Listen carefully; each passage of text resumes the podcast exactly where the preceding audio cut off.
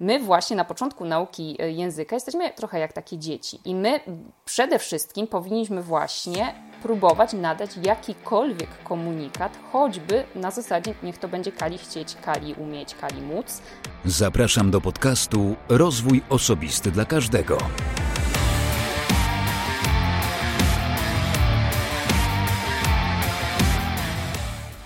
Ja nazywam się Wojtek Struzik, a Ty będziesz właśnie słuchał 107 odcinka podcastu Rozwój Osobisty dla Każdego, który nagrywam dla wszystkich zainteresowanych świadomym i efektywnym rozwojem osobistym. Zanim przedstawię Ci gościa tego odcinka, to przypomnę, że w 106 odcinku moim gościem była Sandra Martynów. To jej już drugi występ w tym podcaście. Pierwszy to 43 odcinek, a w tym odcinku 106 rozmawialiśmy owszem również o finansach, ale w kontekście mm, typów osobowości, które powstają w wyniku badania FREEZE. Więc jeśli jeszcze nie słuchałeś tego odcinka, to gorąco Cię do tego namawiam. A teraz przechodzimy do odcinka 107, w którym gościem jest Paulina Więzik. Gość, którego zaprosił do podcastu jeden z patronów. Tomasz. Bardzo Ci, Tomku, dziękuję. Mało tego, że Tomek zaprosił Paulinę, to przygotował bardzo konkretny materiał, który wykorzystałem w trakcie tej rozmowy. Nie wykorzystałem tylko bio, które Tomek przygotował i pozwólcie, że teraz je właśnie dla Was odczytam. Paulinę poznałem w 2014 roku w szkole prywatnej w Krakowie. Nauczyła mnie języka włoskiego z poziomu A2 do B2 w 3 lata. Ukończyła italinistykę na Uniwersytecie Jagiellońskim w Krakowie. W czasie studiów była na Erasmusie w Ferrarze. W czasach mojej nauki łączyła pracę w prywatnej szkole językowej z nauką w szkole publicznej, krótko, oraz korepetycjami indywidualnymi. Od kilku lat rozkręca swój własny blog i kanał na YouTubie Italiolo. Poza treściami, które zamieszcza na swoich kanałach społecznościowych, sprzedaje również lekcje premium świetnej jakości, indywidualnie projektowane kalendarze oraz ostatnio nowy produkt w swoim portfolio planer do nauki. Cały czas stara się podnieść swoje kwalifikacje jako lektorka językowa, między innymi uczestnicząc w specjalnych kursach dla nauczycieli organizowanych w Rzymie. Generalnie Włochy to jej pasja. Rozmawialiśmy, jak się możecie domyśleć, o nauce języka włoskiego, ale ponieważ pewne techniki, pewne źródła, sposoby są uniwersalne, to jeśli jesteś na etapie uczenia się języka, myślę, że ten materiał będzie dla Ciebie bardzo pomocny. Mało tego, Paulina przeznaczyła jeden planer, o którym przeczytałem z materiału przygotowanego przez Tomka, dla zaangażowanego, aktywnego słuchacza podcastu Rozwój Osobisty dla Każdego. Posłuchaj więc do końca, a tam powiem Ci o co chodzi. Teraz serdecznie zapraszam Cię do wysłuchania tej rozmowy. Cześć, ja nazywam się Paulina Więzik, jestem z wykształcenia filologiem włoskim Uniwersytetu Jagiellońskiego i od 10 lat zajmuję się nauczaniem języka włoskiego, a od 3 lat prowadzę również swój własny kanał na YouTubie, y, w którym na którym uczę języka włoskiego. Także zajmuję, zajmowałam się też w życiu troszeczkę tłumaczeniami i zajmuję się też czasami e, nagraniami lektorskimi. To znaczy nagrywam lektorsko w studiu, ale główną moją działalnością jest nauczanie języka włoskiego w każdym wymiarze mhm. możliwym. Tak, rozmawiamy dzisiaj dlatego, że jakby nauczanie języka jest często czyjąś bolączką, patrz, ja mam bolączkę z językiem, co prawda angielskim, ale pewne metody, pewne sposoby nauczania są uniwersalne, więc trochę będziemy mówili uniwersalnie, ale jak najchętniej Jasne. też e, nawiązując do włoskiego mm, i, i Włoch. E, ja powiem tylko, że zanim przejdę do tych swoich standardowych pytań, to jesteś gościem, którego zaproponował jeden z patronów, nasz wspólny patron notabene, Tomasz, któremu mam wrażenie oddam dzisiaj prowadzenie tego podcastu. To prawda, wykorzystam po prostu materiał, który on przygotował dla mnie, dla ciebie. E, ale zanim to najpierw zapytam, jaką masz pasję albo jakie masz pasje?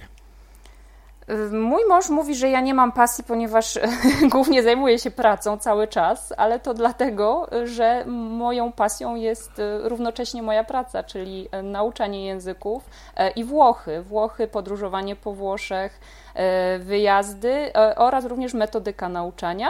Mm, jakąś tam moją pasją pokrewną jest również, e, pokrewną, pokrewną nauczaniu, e, jest również takie szeroko pojęte aktorstwo, natomiast ja go absolutnie tego aktorstwa, tej pasji już nie realizuję gdzieś tam na deskach teatru czy w kołach teatralnych jak wcześniej, ale właśnie w, materiały na, na kanał e, na YouTubie.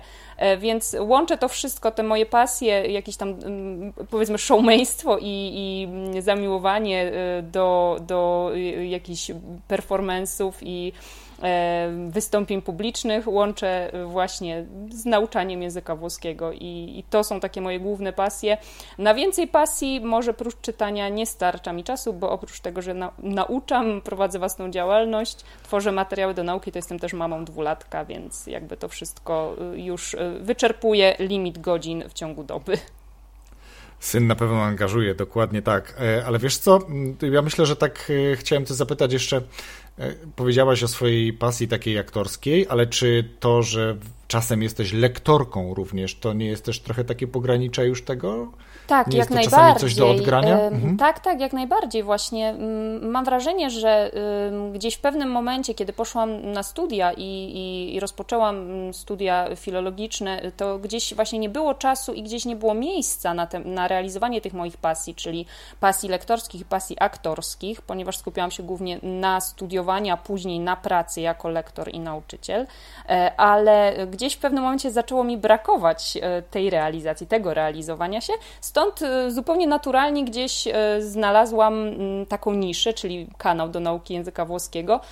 Zupełnie przypadkiem też okazało się, że mogę realizować tą pasję lektorską, bo mój mąż jest kompozytorem, mm, jest muzykiem i pracuje w studiu nagraniowym, więc gdzieś miałam troszeczkę być może łatwiej realizować tą, tą kolejną pasję. No i tak to się wszystko jakoś splotło w moim życiu niesamowicie, że, że, że, że wszystkie te moje pasje i, i też umiejętności udaje się łączyć.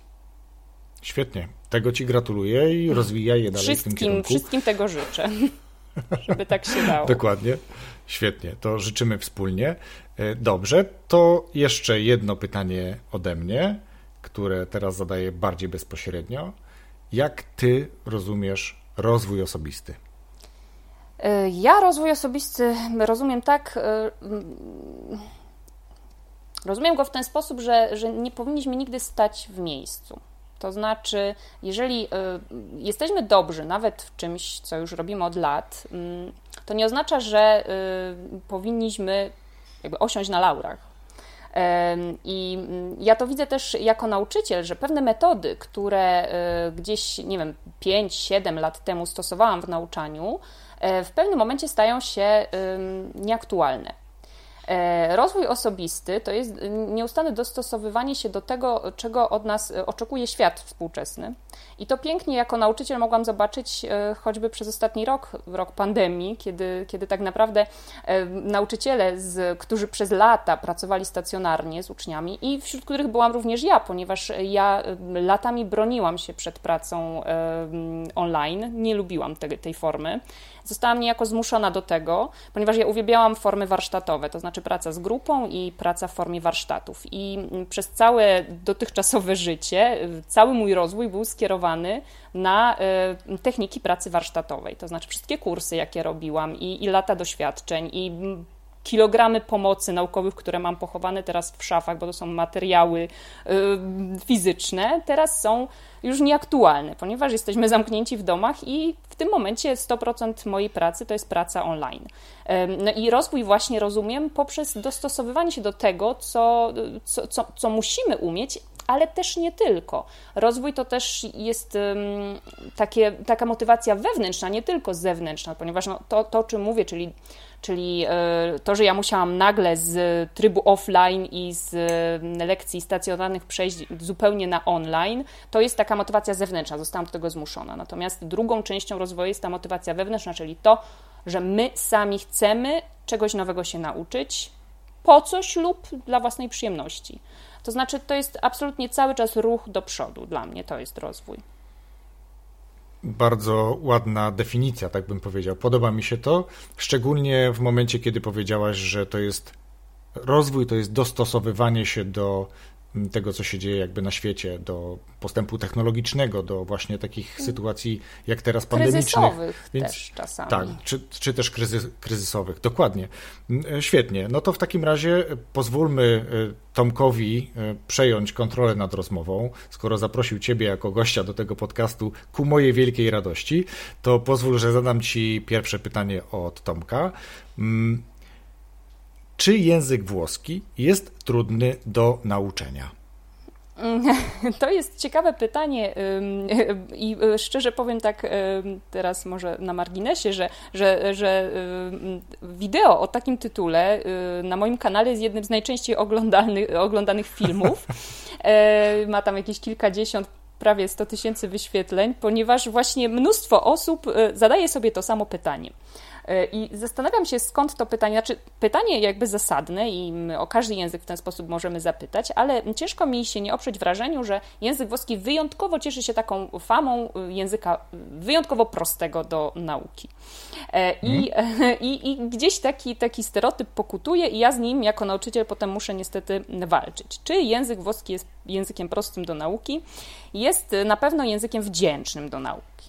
E, wdzięcznym, hmm. ponieważ ponieważ jest to język, który ma bardzo piękną melodię, w którym bardzo często uczniowie mówią: Ja wszystko rozumiem, tylko nie umiem nic powiedzieć, ale wszystko rozumiem, ponieważ jest to język mm, indoeuropejski, więc gdzieś spokrewniony z językiem polskim, ponieważ gdzieś wspólnie wszyscy pochodzimy od łaciny, więc ten język wydaje nam się prosty. Do tego bardzo dużo słów włoskich, czy z kręgu gastronomii, czy mody, czy filmu, czy sztuki znamy, bo to są terminy, które, które znamy po prostu ze szkoły podstawowej choćby i z restauracji. E, więc pod tym względem mm, wydaje nam się językiem prostym. Podobnie wymowa języka włoskiego jest wymową dosyć prostą. Tak naprawdę tych pułapek takich w wymowie wiele nie ma. Natomiast tak jak każdy język obcy, i to bym chciała podkreślić, wymaga bardzo dużo y, zaangażowania, mm, godzin mm, nauki. Nie mogę powiedzieć, że jest to język w jakiś sposób prostszy od innych języków obcych. E, więc odpowiadając, jakby konkludując, jest to język tak samo trudny do nauki, jak wszystkie inne języki indoeuropejskie. Mhm. Być, może, być może trochę łatwiejszy niż język chiński, ale w Europie myślę jest to język na równi z innymi. Y, powiedziałbym, że niektórzy uważają wręcz, że język japoński czy chiński wcale nie jest taki trudny. To właśnie to jest ta kwestia, o której ty mówisz, że, że niektórzy uważają z kolei, że włoski nie jest taki e, trudny. Ja powiem jak taki amerykański ignorant, że ja z, y, bo z takim się spotkałem kiedyś, oczy ignorant to złe słowo, nie chcę nikogo obrazić, ale on się bardzo cieszył, że ja wtedy swoim początkowym angielskim w jakikolwiek sposób jestem w stanie się z nimi komunikować, bo on powiedział, że on to docenia, bo on po polsku tylko potrafi potrafi powiedzieć kiełbasa. Więc ja po, ja po włosku mogę powiedzieć pizza, bella i pewnie coś by się tam jeszcze znalazło, e, ale wydaje mi się, że i tak te, też to powiedziałaś, że i każdy chyba, myślę, język wymaga pewnych e, pewnych metodologii, pewnej motywacji, mm. do czego pewnie za chwilę przejdziemy, a ja w związku z tym, że powiedziałaś, że on jest ani trudny, ani łatwy, to zapytam drugim pytaniem od Tomka, czytanie, mówienie, pisanie, rozumienie ze słuchu, gramatyka. Na czym się skupić, aby efektywnie się uczyć? Jak zaplanować swoją naukę? Dwa pytania w jednym.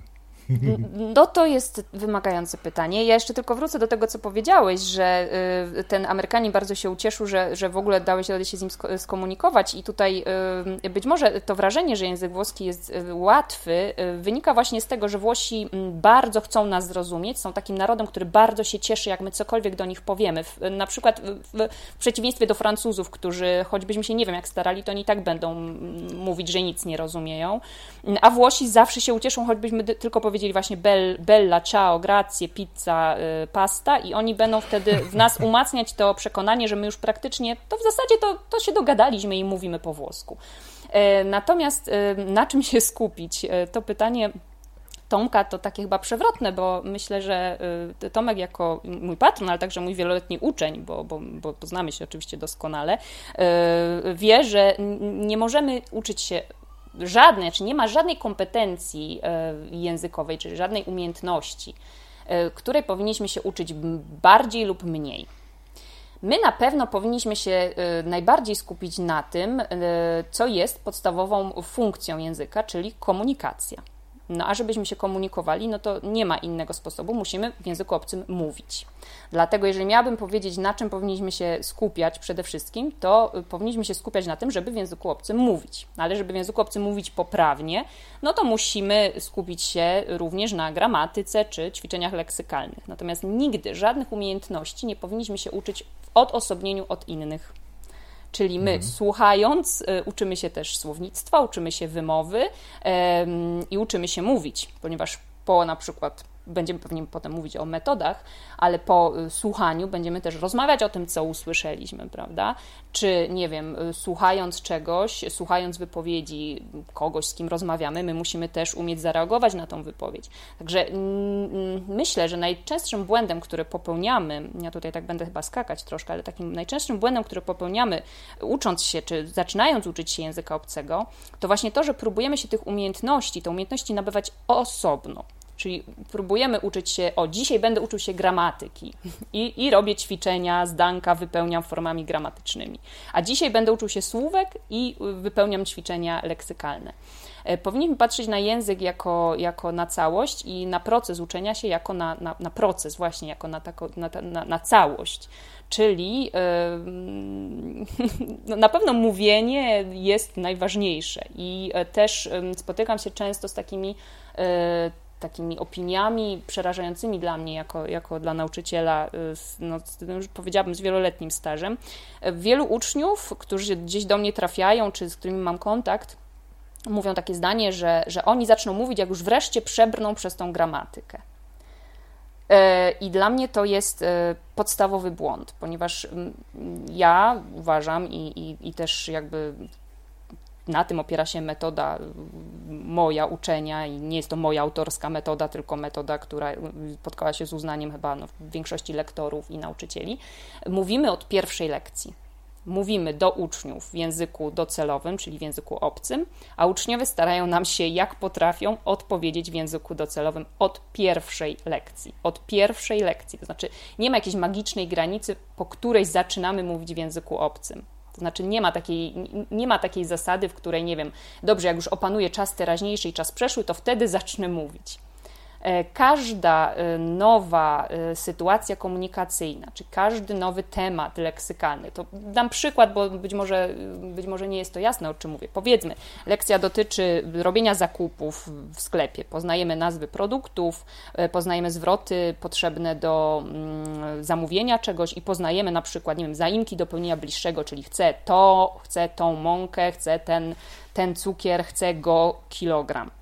E, I naszym zadaniem jako nauczycieli no i uczniów jest, jest właśnie skupienie się na tym, by ćwiczyć od razu te wszystkie elementy, które poznaliśmy, również w mówieniu. To znaczy, nie wyobrażam sobie zaproponować uczniom ćwiczenia, w którym będziemy, nie wiem, podpisywać e, produkty, obrazki z cukrem, mąką i pomidorami po włosku, i później za tym ćwiczeniem nie będzie szło żadne ćwiczenie ustne. Więc absolutnie musimy się skupiać w nauce języka na wszystkich, wszystkich umiejętnościach. Nie wiem, czy jeszcze mam coś dodać, czy, czy, Nie, czy wyczerpałam y, ten myślę, temat? Myślę, myślę, że o to też chodziło trochę y, Tomkowi, zadając to pytanie. Tak jak powiedziałaś, y, znacie się już. Tomek przygotował piękne bio, bio które raczej będę chciał wykorzystać, zapowiadając ten odcinek podcastu, więc ci, którzy teraz no, nas słuchają, już mieli okazję tego to usłyszeć, bo to będzie na początku, Dobra. czy jest na początku. A ja mam takie usprawiedliwienie mm, które sam sobie wymyśliłem i dlaczego pewnie to usprawiedliwienie utrudnia mi naukę języka mhm. angielskiego w moim wypadku. E, ja wymyśliłem sobie, że ja się chcę nauczyć języka tak jak dziecko. Czyli najpierw e, będę rozumiał to, co do mnie mówią, później będę mówił, później będę uczył się pisać, a w miarę rozwoju mówienia i pisania będę uczył się gramatyki. No i generalnie jestem raczej w tej grupie, e, bo myślę, że tak jakby ja rozgraniczam uczniów na, na, na dwie takie grupy podstawowe. E, jedna grupa, podejrzewam, że bardziej ekstrawertycy, którzy niekoniecznie potrafią, ale mówią, mm, czyli mówią i kaleczą, a druga grupa pewnie bardziej intro, są bardzo skupieni na teoretyce, na właśnie na gramatyce, ale mają barierę, do, której nie mogą przejść, przeskoczyć, przełamać z mówieniem. Pewnie mają dużo bogatszy zasób słów, znają świetnie czasy, gramatykę, ale nie mówią. Ja jestem właśnie w tej pierwszej. E, I powiedz mi, czy, czy ta y, blokada, czy ta filozofia, jaką sobie wymyśliłem do, do nauki, jest zasadna i czy to ma sens, że uczymy się właśnie w takiej kolejności, w taki sposób, jako dorośli również? Więc tak, chciałeś, powiedziałeś, że, że, że, że, chciałeś się nauczyć jak dziecko i w tym absolutnie nie ma nic złego, to znaczy to nie jest metoda, to jest metoda, która jest znana od chyba lat 60., tak zwane metodo diretto, czyli, czyli, yy, czyli uczymy się od razu, prawda, y, bez, bez myślenia za bardzo o gramatyce, y, powtarzamy, jak dziecko najpierw słuchamy yy, i yy, ja to bardzo często podkreślam, że to jest zupełnie naturalne, że my najpierw musimy rozumieć, żeby po jakimś czasie zacząć produkować ten output. To znaczy, my musimy mieć mnóstwo tak zwanego inputu, czyli dlatego tak ważne jest słuchanie, nawet jeżeli nie rozumiemy wszystkiego. Słuchanie e, materiałów autentycznych, czy na przykład radia, czy choćby podcastów w języku obcym, czy jakichś vlogów, e, oglądanie vlogów, czy oglądanie może nie filmów, bo są zbyt skomplikowane, jakichś prostych materiałów, ale autentycznych od samego początku. E, I próba produkowania, oczywiście po jakimś czasie, jakichś prostych komunikatów. Natomiast nie do końca my się możemy porównywać z małym dzieckiem, ponieważ małe dziecko. Yy, ono, y, zauważ, próbuje od pierwszych dni życia się z nami komunikować tymi środkami, które ma do dyspozycji. Czyli my, jako dorośli ludzie, y, nie mamy już problemów, nie wiem, z artykulacją dźwięków, prawda? Nasz aparat e, mowy jest przygotowany do produkowania różnych dźwięków. To znaczy, my nie musimy czekać dwa lata, żeby wypowiedzieć jakieś zdanie. My nie musimy przez półtora roku mówić ba, ba, ba, be, be, be. Akurat jestem na tym etapie, prawda? Żeby, żeby po dwóch latach dziecko nam powiedziało jakieś zdanie my jesteśmy już ludźmi świadomymi e, i przede wszystkim potrafimy e, różne tam dźwięki bardziej świadomie z siebie wydawać. Natomiast jeżeli popatrzymy na dziecko, to ono już od pierwszych dni próbuje nam komunikować różne rzeczy, choćby poprzez płacz. E, I jakby świetnie, że tutaj temat dzieci i się pojawił, ponieważ my właśnie na początku nauki języka jesteśmy trochę jak takie dzieci. I my przede wszystkim powinniśmy właśnie próbować nadać jakikolwiek komunikat, choćby na zasadzie niech to będzie kali chcieć, kali umieć, kali móc, ale y, tylko w ten sposób my, mm, to jest oczywiście moja opinia i, i moja metoda, i znaczy nie moja autorska, ale to jest taka metodologia nauczania, które, która mi jest bliska, że my powinniśmy już od początku próbować nawiązywać komunikację, choćby prostymi zdaniami, prostymi słowami, e, ponieważ e, słuchacz, nasz rozmówca nie może nas zrozumieć, jeżeli my nic nie powiemy. A jeżeli my coś mhm. powiemy źle, no to ewentualnie zrozumie coś źle ale, ale będzie jakaś komunikacja. Oczywiście są ekstrawertycy, introwertycy, są osoby, które. i, i, I powiedziałabym, że te nasze cechy charakteru mogą nam w obie strony przeszkadzać i pomagać, ponieważ ekstrawerty, tak jak powiedziałeś, który będzie mówił e, i nie będzie się autokon- e, nie będzie tej autokontroli miał, on się nie będzie kontrolował, on bardzo często, e, nawet po latach nauki, będzie popełniał błędy, ponieważ będzie chciał mówić dużo, bardzo dużo, będzie się cieszył, że jest rozumiany, natomiast nie będzie miał tej autokontroli.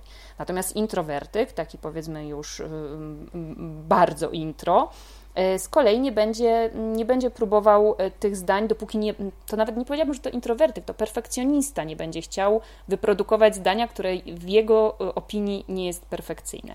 Wydaje mi się, że tutaj największym problemem jednak nie jest nasz, nasza jakaś tam osobowość, a, a to, jak nas choćby szkoła publiczna E, przygotowuje do tego, prawda? Bo to się już na szczęście zmienia w szkołach, ale czy przypadkiem to nastawienie na poprawność, na gramatykę, na poprawne rozwiązanie ćwiczeń, a dopiero na samym, na szarym końcu mówienie, czy to nie jest przypadkiem to, z czym my się wszyscy, y, powiedzmy to pokolenie uczące się w szkołach języków obcych, nie wiem, od lat 70. i 80., czy to nie jest to, z czym my się spotykaliśmy przez przynajmniej 30 czy 40, już nie mówię o tych pierwszych latach jakichś języków obcych, gdzie nie, moja mama się uczyła niemieckiego, no to chyba w ogóle nic nie mówili po niemiecku, tylko po prostu tłumaczyli zdania z polskiego na niemiecki i odwrotnie. E, no ale jednak, czy ta hierarchia to nie jest i te proporcje to nie jest coś, co my wynosimy ze szkoły. i później z tym się musimy borykać przez całe życie i, i, i to jakby powoduje nasze trudności i blokady. Pewnie tak. Bardzo bym się z tym zgodził i dziękuję, że jakby to, co sobie wymyśliłem, nie jest jakieś bardzo nienormalne, natomiast e, faktycznie nie jesteśmy dziećmi e, i, i dużo dużo kwestii jakby powinno być przyspieszonych, nie, nie tak jak powiedziałaś, nie mhm, Natomiast ty powiedziałeś to, ciekawą rzecz, że, że najpierw, bo dobrze pamiętam, powiedziałeś, że najpierw chcesz coś mówić, a potem się zastanowić nad gramatyką, tak? I to jest Poprawnie. też słuszne, i to jest też słuszne, bo my y, będziemy odwrotnie się zastanawiać. Zwróć uwagę, znowu wrócę do dzieci. Dzieci y, nie uczą się, nie wiem, nie odmieniają czasownika pójść w czasie przeszłym, a dopiero potem mówią formę poszedłem, czy tam mm, rozumiesz, o czym mówię, prawda? Tak. Że, że nie odmieniają z nauczycielem formy, a później dopiero zaczynają mówić, tylko mówią poszłem, a dopiero po tak. 30 razach, kiedy mama czy tata ich poprawi i powie, powie, im, że to się nie mówi poszłem, tylko poszedłem, niektórym to nie przechodzi nawet do, do, do, do 50 roku życia, ale ogólnie jakby tak to działa, prawda? Dziecko najpierw mówi jakąś formę, a później w czasie edukacji, czy w czasie tam właśnie poprawiania przez, przez najbliższych, e, do, dochodzi do reguły gramatycznej. Oczywiście mhm. u dorosłego człowieka mm, to jest dużo bardziej świadome i mm, odbywa się dużo szybciej, dlatego że y, my możemy się oczywiście świadomie nawet w czasie mówienia od razu zastanowić nad regułą i możemy to zrobić w czasie jednej godziny zajęć na przykład. Nie? Mhm. Mhm. Dokładnie, dokładnie. No słuchaj, to idźmy dalej w takim razie. Mamy trzecie pytanie. Nie wiem, czy damy radę wszystkie zadać od Tomka, bo tak pięknie to przygotował. Ja, a ja ale... jestem straszną gadułą chyba. Ja, jak, jak, jak, jeżeli ja lubię za dużo słuchać, mówię... Wiesz? Nie, bardzo mi się to podoba. Myślę, że słuchacze też jakby z każdej takiej wypowiedzi są w stanie coś dla siebie e, wyłowić, szczególnie ci, którzy są żywo zainteresowani nauką języka. E, to, a, a wiem, że są zainteresowani, dlatego że jednym z pierwszych gości, który mówił o języku, był Przemek, który e, no, ten odcinek się cieszył dużą popularnością, nie? Czyli mhm. jakby to tak świadczy o tym, że ludzie jednak poszukują tych metod uczenia się i tu właśnie do tych metod teraz chciałem przejść, ponieważ sam przeszedłem przez kilka. E, od zajęć grupowych gdzieś w szkole przez różne kursy, e, czy, czy kursy na uczelniach, czy indywidualne, przez takie spotkania z lektorem jeden na jeden przez jakiś okres mhm. czasu, mówienie, robienie zadań. Najtrudniej miło było mi, czy jakby najmniej, nie, najmniej jest mi znana forma nauki samodzielnej, bo Tomek właśnie pyta o to, jaka forma nauki jest najbardziej efektywna, czy lekcje grupowe, korepetycje indywidualne, czy samodzielna nauka. Jak uważasz? To zupełnie, zupełnie zależy od nas samych, gdzie my się czujemy najlepiej i, i co nam najlepiej e, wychodzi. Natomiast mm, powiedziałabym, najlepszą mm, formą nauki jest taka forma, w której mm, powiedzmy ilość wyprodukowanych przez nas zdań jest największa na godzinę. To znaczy, jeżeli nasze zajęcia grupowe wyglądają tak, że e, jesteśmy w grupie 15-osobowej i e, prowadzący zadaje jedno pytanie jednej osobie, e, czyli nie wiem, na godzinę wypowiadamy tam sześć zdań, ponieważ mniej więcej tyle obchodzi cała kolejka, żeby znowu do nas dotarło pytanie, no to taka forma zajęć to jest forma, którą ja absolutnie jako lektor odradzam. Jeżeli natomiast nasze zajęcia grupowe polegają na tym, że my cały czas produkujemy, czy to ustnie, czy pisemnie. Oczywiście preferowaną formą jest zawsze, zawsze ta ustna, czyli nie wiem, jeżeli miałabym podać proporcje, 70% zajęć to jest produkcja, czyli ja cały czas mówię, ale to nie oznacza, że ja cały czas mówię do lektora, a lektor mi odpowiada, ale ja mówię w parach, mówię w małych grupach, ale cały czas produkuję no to takie zajęcia grupowe są bardzo, bardzo wydajne i uważam, że godne polecenia osobom, które oprócz tego, że chcą się uczyć języka, to chcą też przebywać wśród innych ludzi, a to jest bardzo przyjemne i bardzo motywujące. E, poza tym no, trzeba podkreślić to, że ucząc się w grupie, my uczymy się nie tylko od nauczyciela, uczymy się też od innych osób, e, co jest no, naprawdę wartością dodaną i taką nie do, no, którą trzeba podkreślić. E, oczywiście w zajęciach indywidualnych, e, a teraz jakby zdecydowana większość moich zajęć, które ja prowadzę, są zajęcia indywidualne, mm, no to cały czas ten kontakt i ta ilość wyprodukowanych zdań przez ucznia no jest, jest ogromna, e, pewnie, pewnie dużo większa niż w czasie zajęć grupowych. Natomiast tutaj też warto sobie zadać pytanie, mm, jak uczy nas nasz lektor? To znaczy, czy czas, w którym mówi lektor, mm, nie jest przypadkiem 50 na 50. Czy on za dużo nie gada? czy jego pytania, jego wypowiedzi to nie są jakieś po prostu dygresje na temat jego życia albo tłumaczenie zasad gramatycznych po polsku, czy to nie są tylko pytania, które gdzieś tam prowokują znowu to, by to uczeń produkował? Pamiętajcie, no ja teraz się zwracam do, do osób, które nas słuchają i uczą się języka, że to wy musicie produkować jak najwięcej. E, to trochę zaprzecza temu, co ja robię zawodowo, czyli y, nagrywam wideo do, do, do, do oglądania, do nauki języka włoskiego, ale ja w tych wideo cały czas mówię, mówię, podkreślam jedną rzecz. To, że ktoś sobie obejrzy takie wideo do nauki, to jest naprawdę 1% tego, co trzeba zrobić. Mm, trzeba znaleźć jakiegoś człowieka, z którym później się to wszystko przećwiczy, z którym się wyprodukuje naprawdę mm, milion, milion zdań. E, więc co do nauki samodzielnej, bo tam jeszcze w pytaniu pytałeś, pytałeś, czy Tomek pytał o naukę samodzielną. Mm, nauka samodzielna jak najbardziej. Natomiast pytanie jest, podstawowe, które zadaję bardzo często, bo w związku z tym, że mam no, jeden z najpopularniejszych kanałów do nauki języka włoskiego w Polsce, no to mnóstwo osób się ze mną kontaktuje i mnóstwo osób to są właśnie tacy samoucy, którzy właśnie szukają pomocy w internecie, y, różnych materiałów do nauki.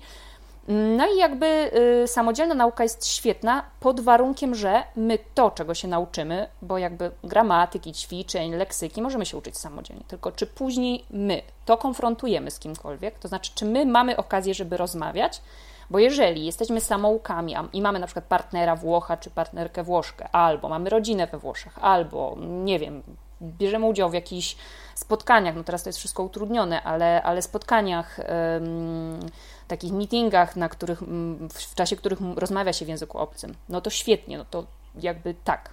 W ten sposób możemy się uczyć samodzielnie. Natomiast samodzielna nauka, która polega na tym, że my robimy sobie jakieś ćwiczenia i tyle, ona nas daleko nie zaprowadzi i niestety moje doświadczenie pokazuje, że w pewnym momencie ci uczniowie, którzy jakby nie mają nie mają później możliwości konfrontacji tych umiejętności w języku mówionym, prędzej czy później oni trafiają, czy do szkół językowych, czy do nauczycieli, e, bo po prostu znajdują się w martwym punkcie, w sensie po prostu tracą motywację, to jest naturalne. Tracimy motywację, jeżeli w żaden sposób praktycznie nie wykorzystujemy tego, czego się nauczyliśmy. Mhm. Bardzo Ci dziękuję. Zgadzam się z Tobą, dokładnie tak jest, chociaż ta metoda samodzielnej nauki jest mi najbardziej mm, obca, ale nawet jeżeli brałem udział w innych, to tak czy inaczej potrzebowałem zawsze z kimś porozmawiać i myślę, że to jest e, dokładnie to, co powiedziałaś. Jeszcze tak mm, powiem, Troszkę jeżeli już... chodzi o mhm. samodzielną naukę, to, to ja, ja mm, z racji tego, że, że no tak jak mówię, mnóstwo takich osób się do mnie zgłasza i wiem, że zapotrzebowanie jest takie, bo nie każdy ma czy czas, czy środki finansowe na to, żeby od razu uczyć się z nauczycielem. Niektórzy też po prostu sami chcą przez pewne takie najprostsze rzeczy przebrnąć, żeby później już na przykład spotkać się z lektorem, mając jakieś tam podstawy. Ja na przykład wymyśliłam sobie taki planer, y, taki kurs od zera, który, w którym właśnie wyszczególniam uczniom, on miał premierę dwa tygodnie temu, w którym wyszczególniam uczniom y, po kolei jakby etapy nauki, czyli co po kolei powinien uczeń zrobić. Do tego y, załączam linki do nagrań i ćwiczenia. I, I w ten sposób gdzieś jakoś tam planuję E, uczniom naukę. I obojętnie jakiego języka się uczycie, e, no to na pewno trzeba mieć dobry scenariusz do tego. Bardzo często uczniowie zastanawiają się, jak mogą taką naukę sobie zaplanować. I tutaj najprostsza rzecz, jaką można zrobić, to po prostu otworzyć jakikolwiek podręcznik do nauki i zobaczyć, co w tym podręczniku jest i czego my się konkretnie powinniśmy nauczyć na danym poziomie. Natomiast, tak jak mówię, no, nie będzie to do, dobrym pomysłem, żeby zupełnie ograniczać się do nauki samodzielnej, jeżeli my nie mamy potem możliwości porozmawiania w tym języku z nikim. To jakby kończę, kończąc ten temat.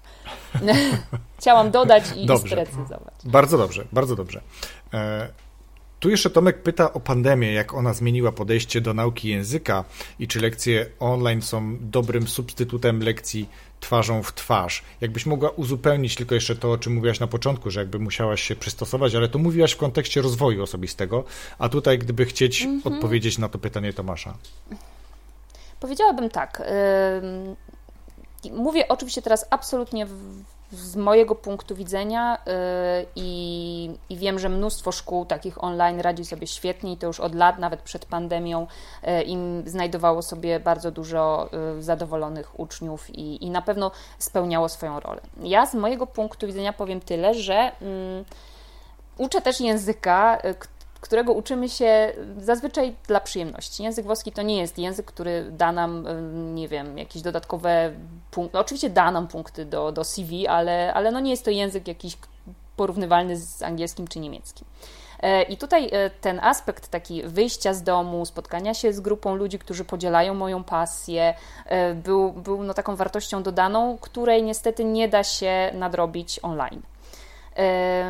Na pewno też bardzo jako nauczyciel korzystałam z, właśnie z, taki, z takich technik warsztatowych, z ruchu w czasie zajęć, z takich metod nauki, y, które korzystały właśnie z tego, że się ruszamy, że, że dotykamy rzeczy, czyli taki, taki bardzo, bardzo y, sensorycznych. Y, to też zupełnie nam um, online odpada. Natomiast dzięki kursom online pojawia się dużo innych możliwości, bo um, możemy bardzo, bardzo łatwo, w bardzo łatwy sposób korzystać z multimediów wszelkich, z ćwiczeń interaktywnych, z z, nawet, nawet taka rzecz, która była niewykonalna w czasie zajęć e, stacjonarnych, e, oglądanie tego samego materiału, ale e, nie wiem, jedna grupa ogląda pierwsze trzy minuty materiału, druga grupa kolejne trzy minuty, a trzecia grupa końcówkę na przykład filmu. To jest na zajęciach stacjonarnych nie do wykonania. Natomiast otwiera, oczywiście on, kursy online otwierają bardzo dużo możliwości, natomiast dla mnie to jest tylko, tylko na przeczekanie. Ja absolutnie mhm. chcę wrócić do, do zajęć stacjonarnych dlatego że kontakt jednak fizyczny z drugim człowiekiem, możliwość podejścia do ucznia, zobaczenia, co pisze w zeszycie, w ogóle zobaczenia twarzy ucznia i dokładnie jego mimiki, co jest do zrobienia w zajęciach indywidualnych online, bo powiedzmy widzę tylko jedną osobę, ale co jest zupełnie nie do zobaczenia w zajęciach grupowych, kiedy mam 15 osób na przykład, prawda, na lekcji online E, kiedy mam ich w sali, to ja, e, mając już naprawdę no, spore doświadczenie, widzę, który uczeń się zgubił, widzę, który uczeń potrzebuje jakiegoś dodatkowego wyjaśnienia, widzę na twarzy, prawda, to zagubienie.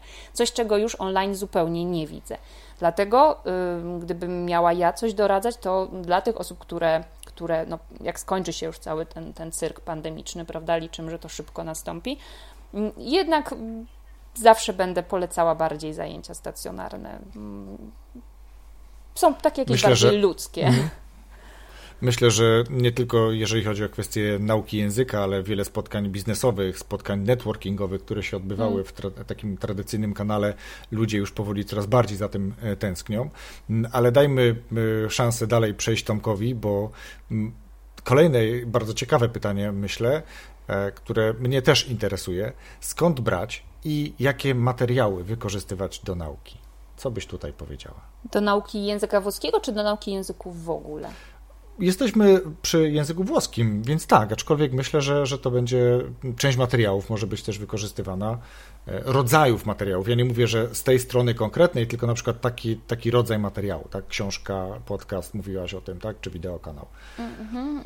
Znaczy tak, ja jestem, jestem zwolenniczką metody takiej rzymskiej szkoły Dilit, e, która e, robi ciekawą rzecz, ponieważ w, w czasie lekcji korzysta się w 100% z materiałów autentycznych. Co to jest materiał autentyczny? To jest e, prawdziwy artykuł z gazety, prawdziwy, e, prawdziwe nagranie z radia, prawdziwe nagranie filmiku jakiegoś tam na YouTubie, prawda? Prawdziwy fragment prawdziwego e, dziennika.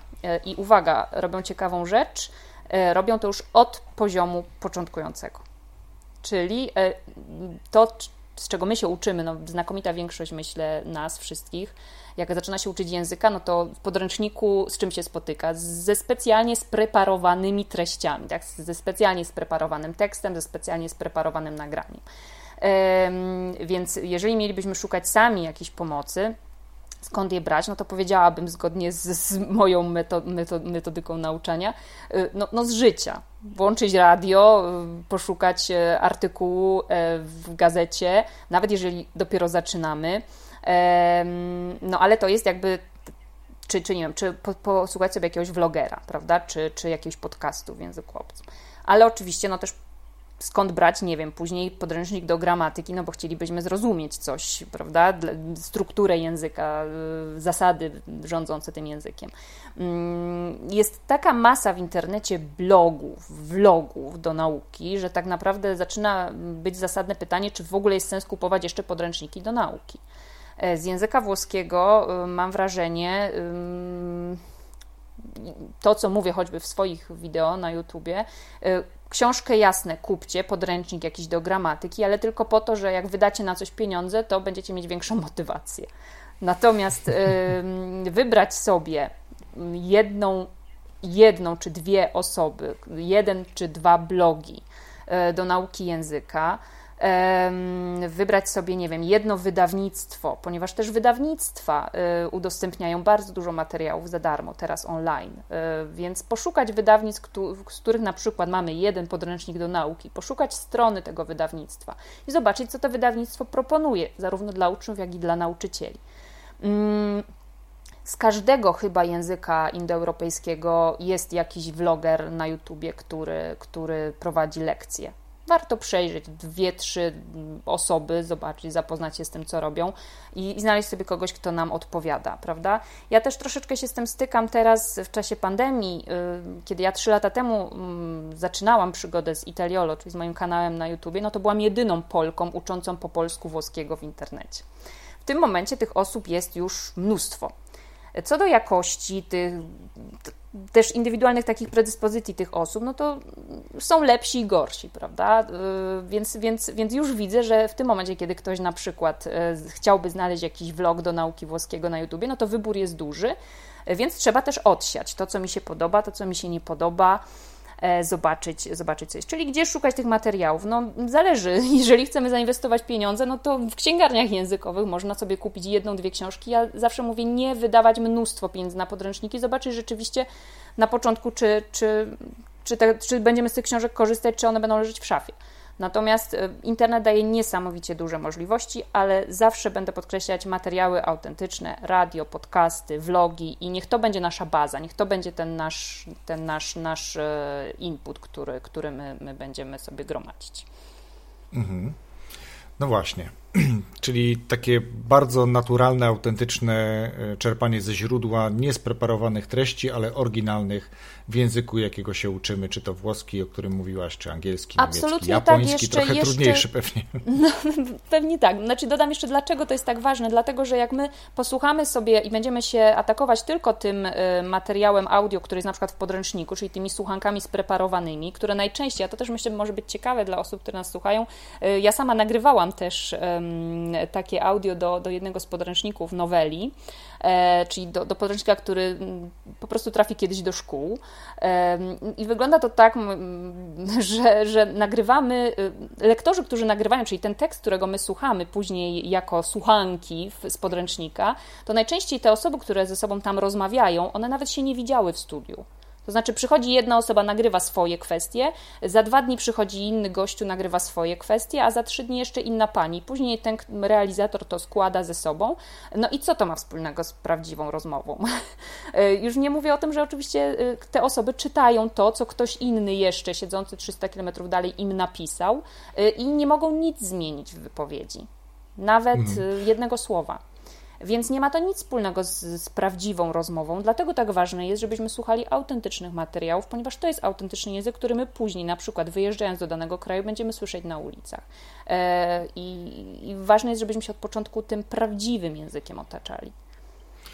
Ale czy to też jest tak z racji na to, że jakby mamy różny poziom, jeżeli mówimy o poziomie zaawansowania, e, mówienia czy znajomości danego języka, że na początku te treści powinny być, czy dobrze, żeby były trochę prostsze, czyli nie wiem, niech to będą jakieś bajki albo jakieś opowiadania dla dzieci, albo coś takiego, gdzie ten język pewnie i dla dzieci po prostu jest trochę bardziej wyraźny, trochę wolniej te, te osoby mówią, a później przechodzić poziomem wyżej, poziomem wyżej, także pewnie gdzieś w pewnym momencie jesteśmy na etapie oglądania faktycznie wiadomości stacji Rajuno, czy jakichkolwiek, jeżeli w ogóle ta stacja jeszcze istnieje, i gdzie, gdzie tam ten włoski faktycznie leci z taką prędkością, że tylko ktoś, kto już ma wysoki poziom, jest w stanie to, to dobrze zrozumieć. Znaczy, tu jest, oczywiście to nie jest popularny pogląd, który ja teraz powiem, że, że od początku powinniśmy słuchać tych szybkich rzeczy, ponieważ mhm.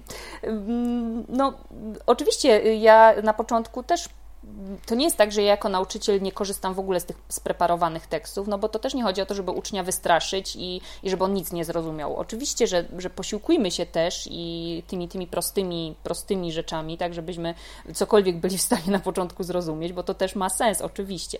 E, natomiast, e, tak jak powiedziałeś, na przykład bajki, ja bardzo polecam Pepe we wszystkich językach, Pepe Pig. E, oczywiście nie, nie za dużej ilości, bo to można zidiocieć, jak się to ogląda, ale, ale e, tam na przykład język język, przynajmniej wersja włoska jest przepiękna, w sensie językowo naprawdę jest piękna. Y, to nie jest jakieś tam sepleniące teletubisie, tylko, tylko to jest po prostu piękny język włoski, ale faktycznie powtarzane wielokrotnie te same słowa. Jest to na pewno materiał łatwiejszy do zrozumienia niż, tak jak powiedziałeś, nie wiem, wydanie wiadomości wieczorne z RAI. Jasne, że tak. Mhm. Natomiast my się nie brońmy na poziomie A1 włączenia sobie tych wiadomości. O to tylko, o, o tym mówię, prawda? My, my nie myślimy w ten sposób, ok, nie mam jeszcze C1, to na pewno nie obejrzę wiadomości. To nie chodzi o to, żebyśmy my wszystko zrozumieli. Chodzi o to, żebyśmy słuchali, ponieważ nasz mózg, słuchając treści w języku obcym, uczy się tą treść obsługiwać. Nawet jeżeli my jeszcze nie znamy poszczególnych słów, to nasz mózg i ośrodek mowy jest tak skonstruowany, że sobie te słowa stara się ciąć na jakieś treści, które, które powiedzmy są krótsze i które formułują słowa. Ja nie jestem neurologiem, nie wiem, psychologiem, także tutaj nie będę, nie będę mówić o czymś, o czymś się jakoś tam strasznie, na czym, na czym się nie znam w 100%. Natomiast tak to trochę działa. My się uczymy, słuchając, ciąć zdania czy, czy, czy, czy, czy całe teksty, kilka zdań na, na frazy, a później te frazy na słowa. Przygotowuje się nasz mózg do rozumienia tej treści, więc, więc od początku radio, telewizja jak najbardziej. To nie jest tak, że my na jakimś tak samo z książkami, bo my mówimy teraz o słuchaniu, ale tak samo czytanie książek. Nie myślmy, że nadejdzie jakiś taki magiczny moment, nie wiem, że jestem na B2 i zaczynam czytać książki w języku obcym. Jeżeli ja nie zacznę czytać wcześniej, próbować chociaż, to nigdy ten moment nie nadejdzie. Mhm. Super, bardzo Ci dziękuję. A teraz taka ciekawa, myślę też e, rzecz, bo tak jak w języku polskim mamy e, różne, mamy Ślązaka, którego pewnie zrozumiemy, ale niektóre słowa zupełnie nie. Kaszuba pewnie już w ogóle. W ogóle, bo to e, inny język. Prawda? Dokładnie. O tyle jakby w języku polskim komunikujemy się dosyć prosto. W Anglii Szkot, Irlandczyk też jakby tam są różne, różne dialekty i tutaj pytanie od Tomka brzmi, albo nawet jakby nie tyle samo pytanie. Włoch do mnie mówi, a ja go nie rozumiem, czyli trochę o dialektach, słów kilka. Jak to mm. wygląda w języku włoskim? W języku włoskim, no, mm, mm, teraz być może zrobię taką dygresję dla tych osób, które kompletnie z włoskim nie mają nic do, do czynienia. Język włoski e, tak naprawdę jest e, Język włoski, którego my się uczymy, tak zwany italiano standard, to jest język, który y, został trochę sztucznie spreparowany z dialektu toskańskiego, florenckiego konkretnie y, i y, no, zdobył popularność, zrobił się sławny i stał się językiem ogólnonarodowym.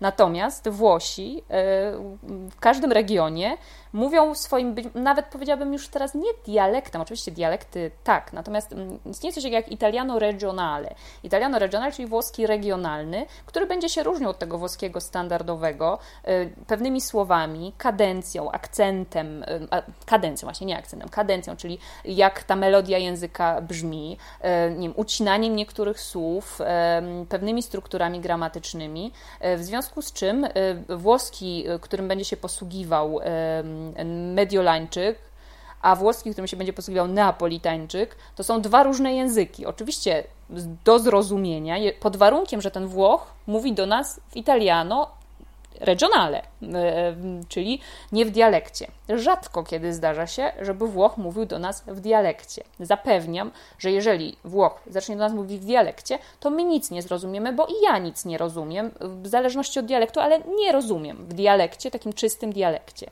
E, jeżeli ja mieszkałam w Ferrarze przez jeżeli, kiedy, kiedy w Ferrarze mieszkałam przez, przez parę miesięcy yy, i, doskonale moi znajomi wiedzieli, że no, nie mam kłopotów żadnych ze zrozumieniem włoskiego, yy, no to jeżeli chcieli coś tam powiedzieć, żebym nie zrozumiała, no to prze, przechodzili na dialekt. Natomiast inną rzeczą jest dialekt, yy, którym na przykład Włosi mówią w domu, czy z babciami, na przykład dziadkami.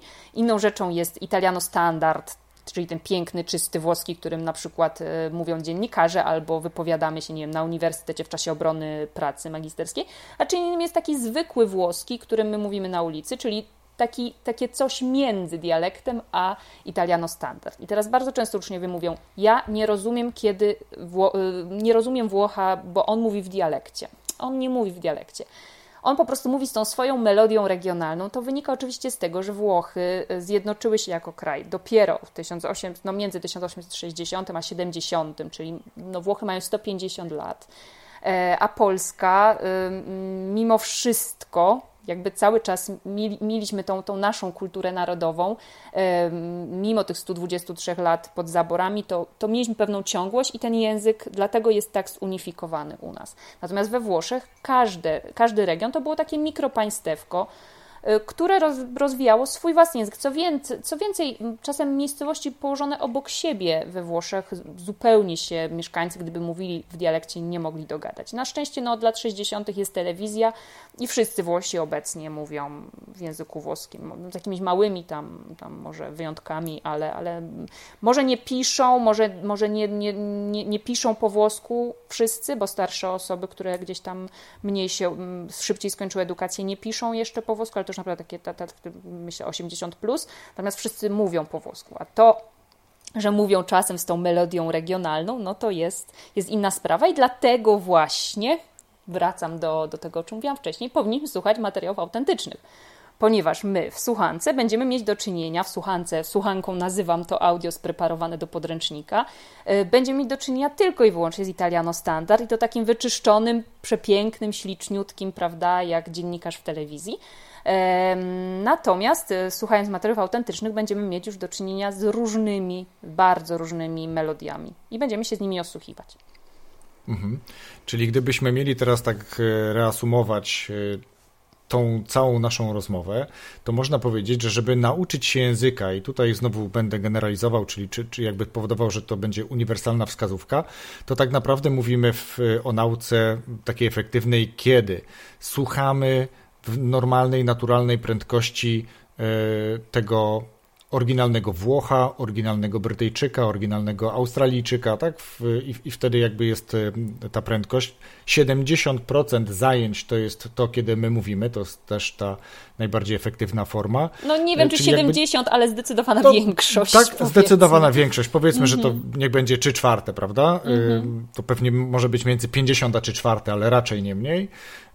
I próbujemy czytać znacznie wcześniej niż myślimy, że potrafimy etc. Czyli jakby staramy się, żeby ta poprzeczka związana z nauką języka angielskiego, czy każdego języka, e, włoskiego w tym wypadku, była cały czas dość wysoko i żebyśmy nie obawiali się tego, że ona jest na tyle wysoko, że my do niej w ogóle nie dotkniemy. Mamy próbować i to jest Twoja e, metoda. Mm, mm, tak, znaczy. Ta, którą stosujesz. Znaczy, ja stosuję metodę taką, że, że, że uczeń wcale na przykład słuchając nie musi zrozumieć i odpowiedzieć na wszystkie pytanka, i tylko jak odpowie na 8 na 8, że to jest ver, vero o falso, czyli prawda czy fałsz, to wtedy znaczy, że już umie, tylko ma zrozumieć i mi o tym opowiedzieć, co zrozumiał. Obojętne, czy zrozumiał 20% czy 80%, on wykonał swoją pracę.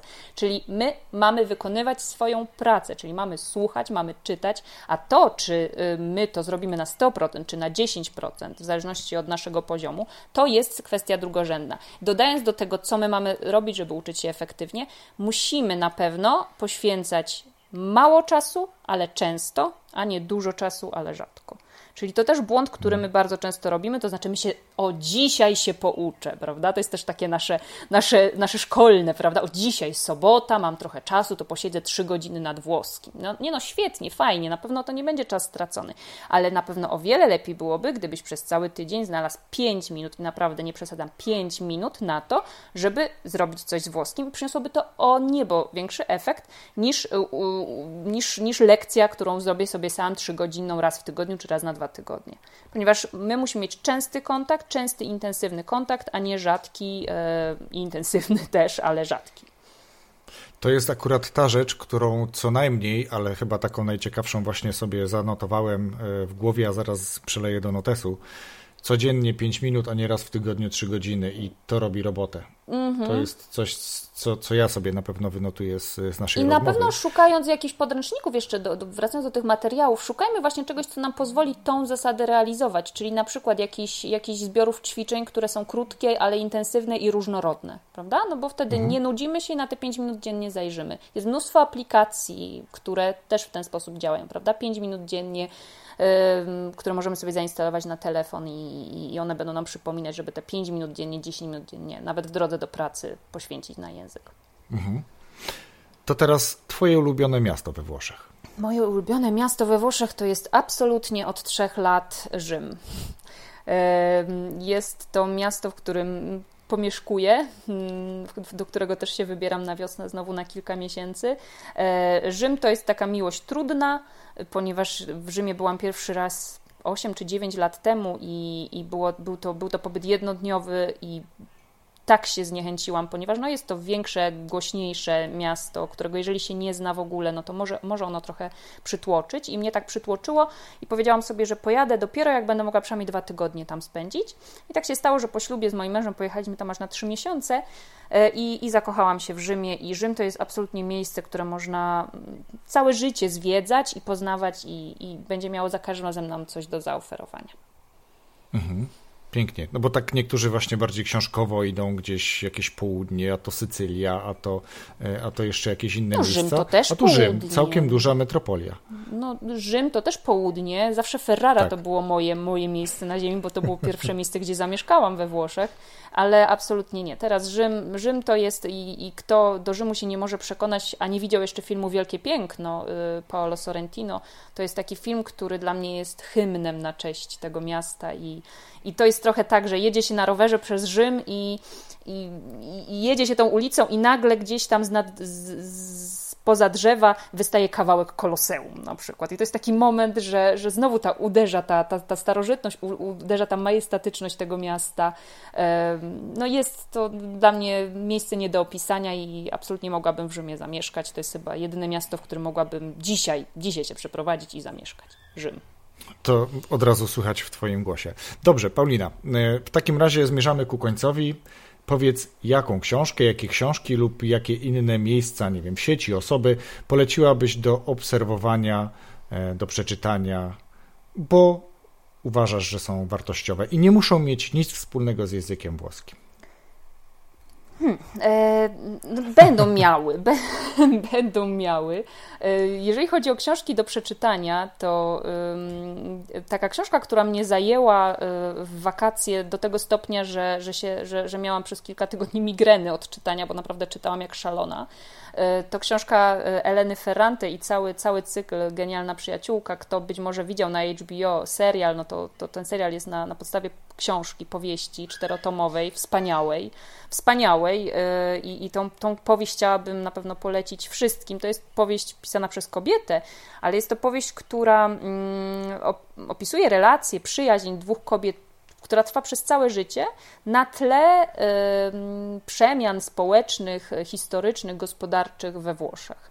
E, piękna, piękna powieść psychologiczno-społeczno-ekonomiczno-psychologiczna. Psychologiczna już chyba powiedziałam na początku. No, piękna powieść.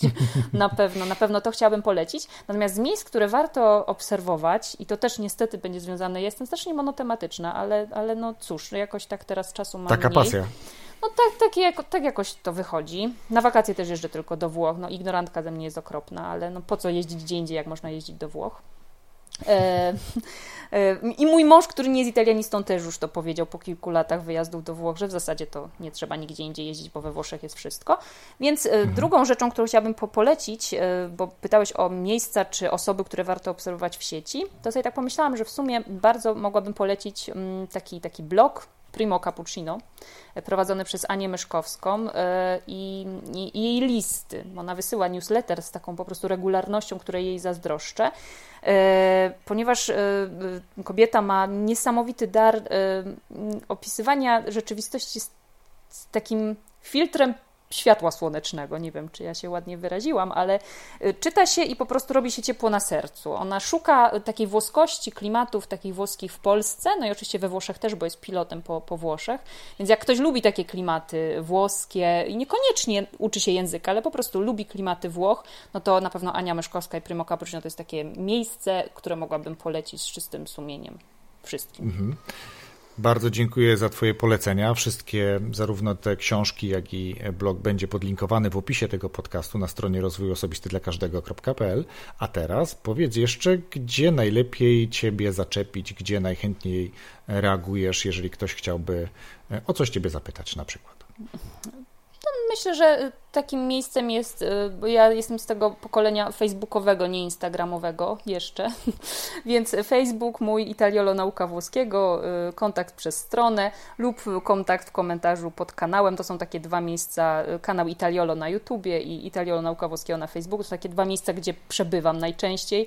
Na Instagramie, który też istnieje, Italiolo Nauka i można obserwować. Dzieje się zdecydowanie mniej, ponieważ już, już chyba jestem z tego pokolenia, które właśnie Facebook i YouTube, a mniej Instagram, a TikTok to już w ogóle, więc, więc, więc, więc, więc tak, więc Facebook i YouTube można napisać do mnie, będzie mi zawsze bardzo miło, nawet jak nie odpiszę od razu, to staram się każdemu odpisać zawsze coś i, i nie muszę dodawać, że każdy komentarz jest zawsze bardzo motywujący. Rozwój osobisty dla każdego.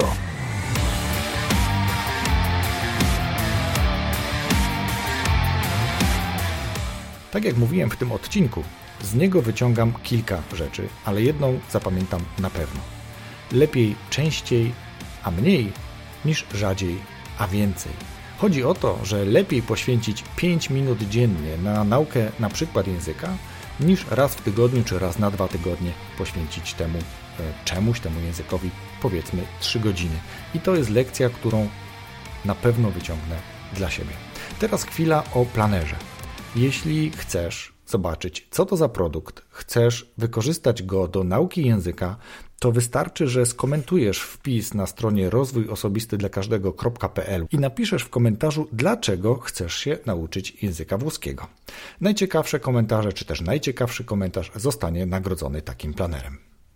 A teraz serdecznie chcę podziękować swoim patronom. Bardzo też cieszę się, że w ostatnich tygodniach przyłączyło kilku nowych patronów. Dlatego bardzo dziękuję Zbyszkowi, Michalinie, Violetcie czy też Wiolce, Krzyśkowi, Wiktorowi, Marcinowi, Marcinowi, Katarzynie, Annie, Marice, Łukaszowi, Tomkowi, Tomkowi, Szymonowi, Dawidowi, Markowi i Błażejowi oraz tym, którzy woleli pozostać jako anonimowi. Dlatego jeśli i Ty chcesz mieć wpływ na rozwój tego podcastu, czujesz, że to, co publikuję, jest dla Ciebie ciekawe, wartościowe i chcesz mnie w tym wesprzeć, wejdź na stronę patronite.pl łamane przez RODK, czyli patronite.pl łamane przez RODK i wybierz dogodny dla siebie próg wsparcia. W tym samym miejscu możesz również wesprzeć mnie, jeśli słuchasz lub Twoje dziecko słucha bajkowego podcastu. A dzisiaj to już wszystko. Bardzo dziękuję za poświęcony czas, za wysłuchanie naszej rozmowy i do usłyszenia już za tydzień z nowym materiałem. Wszystkiego dobrego.